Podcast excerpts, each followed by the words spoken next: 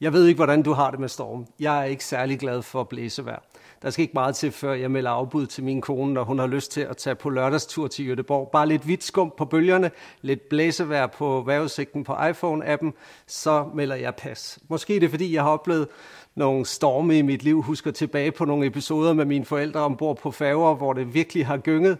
Og også øh, da mine børn var små, kan jeg huske specielt en gang på en hurtig færge mellem Aarhus og Odden, hvor der virkelig var blæsevejr, så møblerne væltede og porcelænen smadrede. Jeg sad til sidst og forsøgte at fortørre min datter til mig selv med min livrem.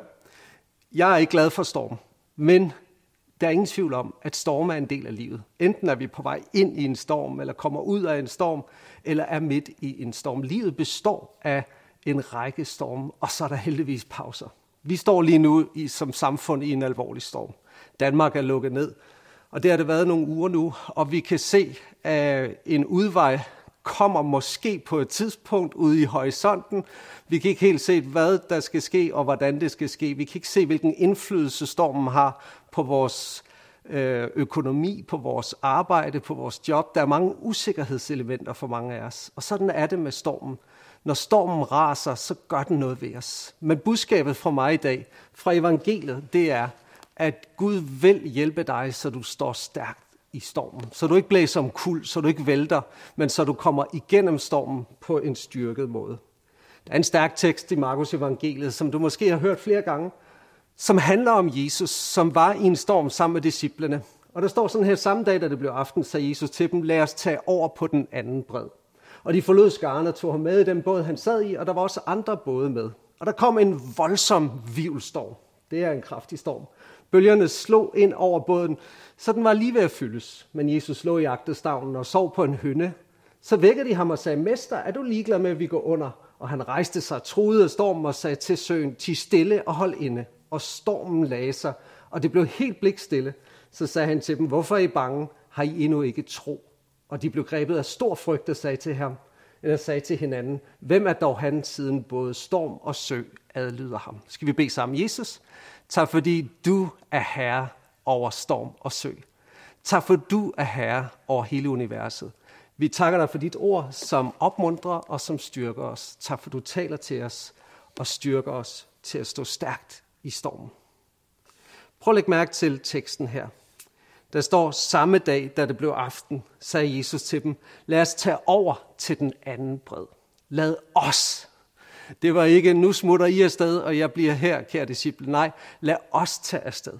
Det må have været trøstens ord for disciplerne, da de stod midt i stormen. At han sagde jo, lad os. Han vidste, at øh, han ville være med dem igennem hele stormen, til de nåede til den anden ende. Og det er mit opmuntringsord til dig i dag. Jesus vil være med dig midt i stormen, i begyndelsen af stormen og igennem stormen, til du når til den anden ende. Han vil ikke slippe dig, han vil ikke forlade dig. Løftet om hans nærvær er det, vi har tydeligst i evangelierne. Matteus evangeliet starter med at kalde Jesus for Emmanuel, som betyder Gud med os. Gud, der altid er nær. Og slutter med, at Jesus siger i kapitel 28, Se, jeg er med jer alle dage ind til verdens ende. Og for det ikke skal være løgn, så midt i Matteus evangeliet, så siger Jesus også, hvor to, hvor to eller tre er forsamlet i mit navn, der er jeg midt i blandt jer. Så løftet om nærvær fra Jesus er helt afgørende, og det har vi i ham. Der står, at de forlod skaren og tog ham med i den båd, de var i.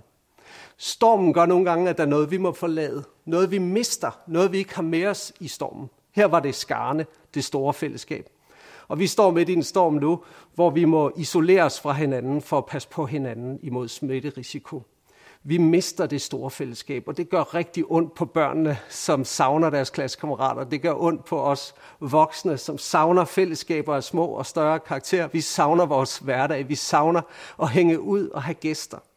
Men ind i dette, så er det så afgørende vigtigt, at vi har sagt, for sagt, at når Jesus er det eneste, vi har, så vil du opdage, at han også er det eneste, du behøver. For læg mærke til teksten videre her. Der står, at de tog ham med i den båd. De havde ham med i båden. Og her har vi det altafgørende punkt i den her tekst, det der gør, at selvom vi nogle gange i stormen kan føle, at vores båd er så lille, og havet så stor, og vi er så små, og den der følelse af afmagt er så stærk, så er nøglen i den her tekst, at de havde ham med i deres båd. Jeg ved ikke, om du nogensinde har inviteret Jesus ombord i dit liv. Er Jesus ombord i din livsbåd? Det er den afgørende faktor. I henhold til evangeliet, så er det det vigtigste spørgsmål, vi kan stille os selv. Er Jesus med ombord i min livsbåd? Så vil jeg kunne sejle ind i himlens havn. Er jeg uden ham, så har jeg intet. Intet at stå imod med i stormen. Men når han er i min livsbåd, når jeg har inviteret ham ind i mit hjerte, Efeserbrevet bruger udtrykket, at han får fast bopæl i vores hjerte ved tro, så kan du være sikker på, at du har, hvad der skal til. Det er Paulus, som i 2. Korintherbrev siger sådan her, rensag jer selv, om I er i troen, prøv jer selv. Ved I ikke, at Jesus Kristus er i jer, eller står I ikke prøve. Så den store prøve midt i stormen, som er afgørende for, om vi kommer til at stå stærkt i stormen, det er, har vi Jesus med ombord? Er han der i vores hjerter? Det er det afgørende. Videre siger teksten, at vi aldrig må tillade nærværet af en storm at skabe tvivl om nærværet af Jesus. Jesus er hos dig. Jesus er med dig. Jesus er i dig, og Jesus han er rundt om dig. Så ægte fred, den fred Gud han giver, det er ikke ophør af storme, men det er nærvær af Jesus. Jesus, han har en fred, han vil give dig. Min fred giver jeg dig. Min fred efterlader jeg jer, siger han i Johannes evangeliet kapitel 14. Han kom med en fred, og den fred er i hans nærvær.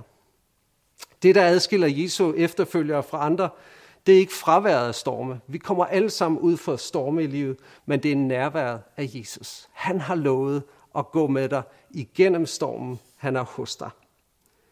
Der står, at der kom en voldsom vivelstorm. Det her udtryk, som Markus bruger, øh, har et græsk ord i sig, som faktisk betyder jordskæld. Så når han tænker tilbage på den her hændelse, øh, og, og, og, og har øh, også vidnesbyrdene fra de forskellige disciple øh, som, som grundlag, så, så var det det her ord øh, for jordskæld, som faktisk bliver brugt i teksten. Øh, det er et ord, som Matthæus også bruger, når han giver, gengiver historien. Faktisk bruger han ordet jordskæld tre gange i sit evangelium. Den ene gang er i forbindelse med teksten her, og den her historie om Jesus ombord på båden i stormen. Og den anden gang er, da Jesus udånder på korset, så står der, der var et jordskæld. Og tredje gang, det er, da Jesus opstår fra de døde, og der var et jordskæld. Så det er et udtryk, øh, som Matthæus vælger at bruge tre gange. Den ene gang for det øjeblik, hvor Gud sørger for tilgivelse. Den anden gang for det øjeblik, hvor Gud overvinder døden i opstandelsen. Og den tredje gang for dette øjeblik, hvor han kommer med sin fred midt i stormen. Der står, der kom en voldsom vivelstorm, og bølgerne slog ind over båden, så den var lige ved at fyldes men Jesus lå i agterstavnen og sov på en hynde. Er det ikke utroligt, at her midt i stormen, så sover Jesus? Det er faktisk det eneste sted i evangelierne, vi læser om, at Jesus sov. Så er det midt i en orkanagtig storm. At han ligger der på den hynde, som typisk blev brugt af styrmanden. Han ligger og sover. Jeg ved ikke, om du nogensinde har faldet i søvn på en rutsjebane, eller til en heavy metal koncert, eller i en vindtunnel. Det er alle tre ting, larmen og bevægelserne, alt det her. Jesus, han hviler, han snorker. Midt imellem alle disciplernes råb og torden og alt, hvad der har været af støj, så hører du bare Jesus snorken. Han bobler, han sover. Det er mere end bare en fysisk søvn. Jesus hviler. Han er i troens hvile, og han er den eneste, der kan give hvile til os. På hverdagsdans, der står der sådan her, til sidst vækkede de ham og sagde til ham, Mester, er du ligeglad med, at vi går under? Så de havde altså forsøgt at få alt det her vand ud af båden, og de havde gjort, hvad de kunne, selv før de vækkede Jesus. Vi ved ikke hvorfor, om det var fordi, de ikke ville forstyrre ham, eller fordi de først ville det, de kunne, fordi syv ud af 12 af disciplerne var jo selv fiskere, så de havde prøvet stormvær mange gange før. Så de gjorde, hvad de kunne, og så gav de op. Så havde de ryggen mod muren, og så gik de til Jesus. Er det ikke ofte sådan, at stormværet får os til at give op? Får os til at begynde at bede og kalde på Gud, fordi hvis ikke der er nogen anden udvej, så må jeg prøve. Og måske du er i den situation i dit liv nu. Du er klar over, at du er i en storm, i et stormvær, du ikke selv kan håndtere. Du kan ikke selv overskue konsekvenserne, og du begynder at kalde på Gud. Og du skal bare vide, Jesus, han lader sig vække. Så vækkede de ham og sagde, Mester, er du ligeglad med, at vi går under? Det er underligt, som nogle gange stormværet kan få os til at betvivle Guds kærlighed. Jeg ved, at du elsker mig, Jesus, i det gode vejr, men elsker du mig også i stormværet? Elsker du mig, når jeg står i arbejdsløshedskøen? Elsker du mig, når jeg ligger på operationsbordet, Jesus? Elsker du mig, når jeg står med de skilsmisse? Elsker du mig, når jeg må downsize mit liv og begynde at leve mere enkelt? Hvad er det ved stormene, der gør, at vi begynder at betvivle Guds kærlighed? For evangeliet er jo, at du får at høre i Romerne 8, at intet kan skille dig fra Kristi kærlighed. Ingenting kan få dig ud af ham. At Jesus sov betød ikke, at Jesus ikke brød sig om dem. At Jesus ikke havde kærlighed til dem eller omsorg for dem. Bibelen siger, kast alle jeres bekymringer på mig, for jeg har omsorg for jer. Så Guds omsorg er for dig 100%. Du kan ikke gøre hans kærlighed større, du kan heller ikke gøre hans kærlighed mindre. Den er total, det er en pakskærlighed, som du ikke kan ændre på. Guds omsorg er rundt om dig, og han vil sørge for dig. Så når de råbte, Mester, er du ligeglad med, at vi går under? Så ligger der næsten i det, at Jesus skulle være ligeglad med deres liv. Ligeglad med deres velbefindende. Ligeglad med, at de gik fortabt. Men du skal vide, at Jesus betalte den højeste pris, for at du ikke skulle gå under. Dig, der var dømt af den retfærdige og hellige Gud, dømt til evig fortabelse og adskillelse fra Gud. Jesus var ikke ligeglad med, at du skulle gå fortabt. Nej, for det var ikke sømmene, der holdt ham på det kors, der han hang der for din skyld. Det var kærlighed til dig. Ud af kærlighed, så blev han gjort til synd, for at du kunne blive Guds retfærdighed i ham. Han tog den straf, du skulle have, for at du kunne få fred. Og du fik lov til at blive reddet af Jesus, fordi så højt elskede Gud verden, at han gav sin søn den eneste, for at den hver, som tror på ham, ikke skulle gå under, men for evigt liv. Jesus elsker dig. Jesus blev ikke sendt for at dømme verden, men for at frelse verden. Og han vil redde dig midt i stormen, også den storm, som handler om evigt liv. Der står, han rejste sig. Nu havde de vækket ham, og han vågner og ser, hvad der sker i båden, og hvordan utrygheden, panikken, angsten er malet ind i disciplernes blik, og han rejser sig op. Og det gør han på dine og mine vegne, for at vi kan stå stærkt i stormen. Så når Jesus rejser sig i båden, så rejser han sig også for dig og for mig. Han rejser sig for, at du kan blive oprejst midt i den frygt og angst og panik, du er i. Så rejser Jesus sig for, at du kan stå op og stå stærkt i stormen. Og der står her, at han troede af stormen. Det er samme ord, som er brugt om Jesu bøn for en person, der var besat af en indre dæmon. Det er et meget stærkt udtryk. Han befalede over stormen. Han troede af den. Han gav ordre til den. Og det viser og demonstrerer Jesu magt over naturelementerne. Jesus er Herre. Han er Gud. Han er almægtig. Han er magt over alt, også over stormværet. Og han er i stand til at sige, ti og hold inde. I virkeligheden så siger han, vær stille og bliv ved med at være stille. Han siger fred og bliv ved med at være i fred. Så når Jesus han opretter sin fred inde i dig, nogle gange er stormværet udenfor, nogle gange er stormværet indeni, og jeg ved ikke, hvad din, dit stormvær det er lige nu, men når Jesus taler fred ind i dit liv, skal du vide, at han taler det på en måde, så det ikke bare bliver fred for nogle timer, fred for nogle dage, men det er en fred, der er varig. Det er en evig fred. Så har jeg lyst til at sige, at den øh, fred, Jesus talte ud fra, at det var det, der gjorde hans bøn kraftfuldt. Det var faktisk ikke så meget det, han talte til, som det var det, han talte ud fra. For du kan ikke tale fred ud af dig selv, uden at opleve fred inden i dig selv. Nogle gange er det ikke så meget stormen rundt om os, der er den værste, men det er den storm, som vi giver adgang ind i os. Og du skal vide, at Jesus er i stand til at hjælpe dig ud af det stormvær af angst og frygt og uro, som måske nærmest skaber et konstant beredskab inden i dig i de her dage. Jesus han kan sige, vær stille, vær stille og bliv stille.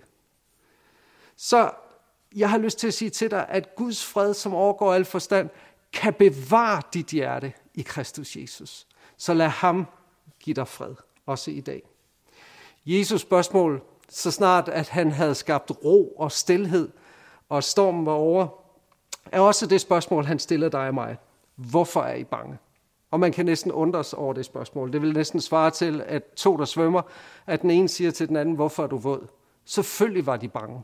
Det var en storm, de ikke kunne håndtere. Men for Jesus, så var det det spørgsmål, som fyldte ham. Fordi han siger, lad nu være med at være bange. Frygt, det er en del af livet. Frygt vil komme og banke på vores dør, men sandheden i Kristus er, at vi ikke behøver at lukke den ind. I Jesus så behøver du ikke at lukke frygten ind til middagsmad, og du behøver slet ikke at bede den om at overnatte. Du kan ikke undgå, at den kommer på besøg. Du kan ikke undgå, at den kommer, på, øh, kommer og banker på din dør, men du kan afvise den i Jesu navn, så det ikke bliver en varig tilstand i dit liv.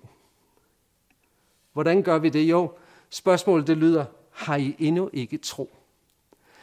Jesus pegede på troen som nøglen til at overvinde frygten. Hvorfor? Fordi tro er fast tillid. Tillid til Gud. Tryghed i Jesus. I det øjeblik, troen kommer ind, så zoomes dit fokus på Kristus. Og så fryser billedet. Så du får blikket væk fra omstændighederne, væk fra bølgerne, væk fra det der vand, der stiger indenbords, og så får du tryghed ved at se på Jesus. Der er en, der har sagt sådan her, du kan ikke styre, hvor længe en storm varer, du kan heller ikke styre, hvor hårdt den rammer, men du kan styre, hvor du placerer din tro og din tillid. Og jeg vil gerne anbefale dig at placere din tro og tillid i Jesus. Hele beretningen slutter sådan her, at der står, og de blev grebet af stor frygt og sagde til hinanden, hvem er dog han, siden både storm og sø adlyder ham? Det utrolige i den her historie er, at disciplerne blev faktisk mere bange for Jesus, da han viste sin magt og sin autoritet, end det blev bange for stormen. Der står i virkeligheden på grundsproget her, og de blev grebet af en stor frygt.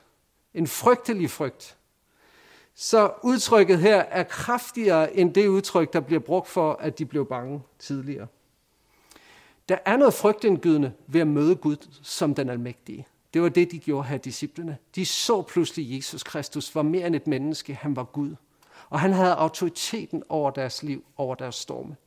Og i samme øjeblik, de opdagede det, så kom der en ærefrygt. Der kom en respekt ind, som ikke lammede dem, men som gav dem en ydmyghed over for Gud. Og jeg har lyst til at sige, at nogle gange så kan det her med at kalde på Gud, kalde på Jesus, sige hjælp mig, at når Jesus så træder til og bliver din redning, så kan det godt skabe en frygt i dig. Fordi enten så skal du give dig over til Gud, Jesus Kristus, den almægtige, og så skal du have tillid til ham, og så skal du give slip på din egen kontrol. Og her i overgivelsen kan du blive ramt. Tør jeg? Hvad nu hvis? Hvad nu hvis jeg mister det? Hvad nu hvis han tager styringen der? Hvad nu hvis der er så meget usikkerhed og faktisk frygt, som afspejler sig i det øjeblik, du skal træffe afgørelse om, hvorvidt du skal lægge dit liv over i Guds hænder. Det store spørgsmål, som Jesus altid vil efterlade os med, når han griber ind i stormen, det er, hvem er dog han? Alle storme vil altid lede os frem til det formål, at vi ser en ny side af Jesus. Job var igennem mange storme. Han mistede alt. Han mistede sin familie, sin ejendom, og til sidst sad han bare og, og skar sig selv, fordi han havde byller og prøvede at rense noget af betændelsen væk. Men der står i kapitel 42, efter alle de kapitler af elendighed i Jobs liv, så står der, jeg havde kun hørt et rygte om dig, Gud. Nu har mine øjne set dig. I stormværet får vi et nyt blik af Gud. Det er i mine storme i livet, at jeg har fået nye vinkler på Gud. Jeg husker, da min lille søster, som da jeg var 14 og hun var 12 år, blev ramt af en kraftsvulst på hjernen og var igennem strålebehandlinger, så tit, så, tæt, så tit var tæt på at dø, at, at det gav mig et billede af Jesu trofasthed, at hun kom igennem den sygdomsperiode. Det var det, jeg lærte at stole også på Guds ord, fordi min far havde fået det bibelord, at den her sygdom er ikke til døden, man skal tjene til Guds herlighed. Og jeg kan huske det ord, det gav os noget som familie at stå på. Vi stod stærkt i stormen på grund af et bibelord for Johannes evangeliet. Jeg husker også, da jeg blev ramt af stress, og præstationsangst og panikangst i en periode i mit liv som 22-årig, hvordan det stormvær gav mig et nyt billede af Jesus, at Jesus er der, når jeg føler, han er der, men han er der også, når jeg føler, at han sover. Når jeg, når jeg ikke mærker øh, og ser ham rejse sig op i båden og, og skabe stillhed, men, men hvor han sover, han er der selv i følelsen af fravær. Så står der her i kapitel 5, vers 1, så kom de over på den anden side af søen til Gerasenernes land. Jesus, han fik dem ud af stormen, igennem stormen, over på den anden side. Og nu var der pludselig da de steg øh, ud af båden, så kom der i det samme en mand hen imod dem fra gravhulerne, og han var besat af en uren ånd. Og så begyndte der en ny tjeneste, en ny kraftfuld tjeneste. Og jeg har lyst til at sige til dig, at også den storm, du står med i nu, vil kunne føre til, at du får nyt blik på Guds autoritet, Guds magt, styrken i Kristus, kraften i Jesu navn, kraften i bøn. Disciplerne lærte, at det at bede, det er som at vække Jesus af søvn, og han rejser sig op, og så går han i gang. Og disciplerne havde fået sig en lektie her. Så jeg har bare lyst til at opmuntre dig at sige, stå stærkt i stormen. Og det her med at stå, det er at stå i sandhed. Det er at stå i tro, og det er at stå i åbenbaring. Sandheden, det er evangeliets sandhed, at Gud er god også i stormen. Gud er ikke årsag til stormen, men han vil lede dig igennem den, og du skal vide, at han leder dig om på den anden side, og han er med dig i stormen. At stå i tro, det er at være i tillid til ham. Og åbenbaring, det har noget at gøre med, at troen kommer i det øjeblik, du ser med hjertet, ser hvem Jesus virkelig er, og han vil være din. Her til sidst, så har jeg lyst til at lede dig i en bøn. Hvis aldrig du har inviteret Jesus ind i dit hjerte, så kan du gøre det i dag. Jeg har skrevet en bøn, som du måske vil bede med på hjemme fra dit værelse, fra din stue, eller hvor du end er. Prøv at bede efter mig her. Kære Jesus, kom ombord på min livsbåd. Jeg ønsker ikke bare, at du skal være passager, men styrmand og kaptajn. Tag mit livs ror. Led mig sikkert ind i himlens havn. Jeg er villig til at kaste alt det over bord, som har fyldt i mit liv indtil i dag. Frels mig, tilgiv min synd, rens mig i Jesu blod og fyld mig med din ånd. Tak, at jeg er din. Har du bedt den bøn, så siger romerne 10, at når du med din mund bekender, at Jesus er min styrmand, Jesus er min herre, så skal du blive frelst. Så skal han komme ind i din livsbåd og give dig det evige liv. Og det evige liv, det er at kende Jesus, den eneste sande Gud.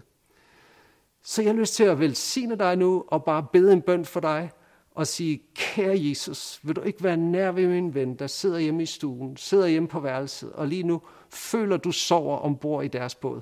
Vil du ikke rejse dig op og stille stormen og tale fred ind i deres hjerte, ind i deres sind.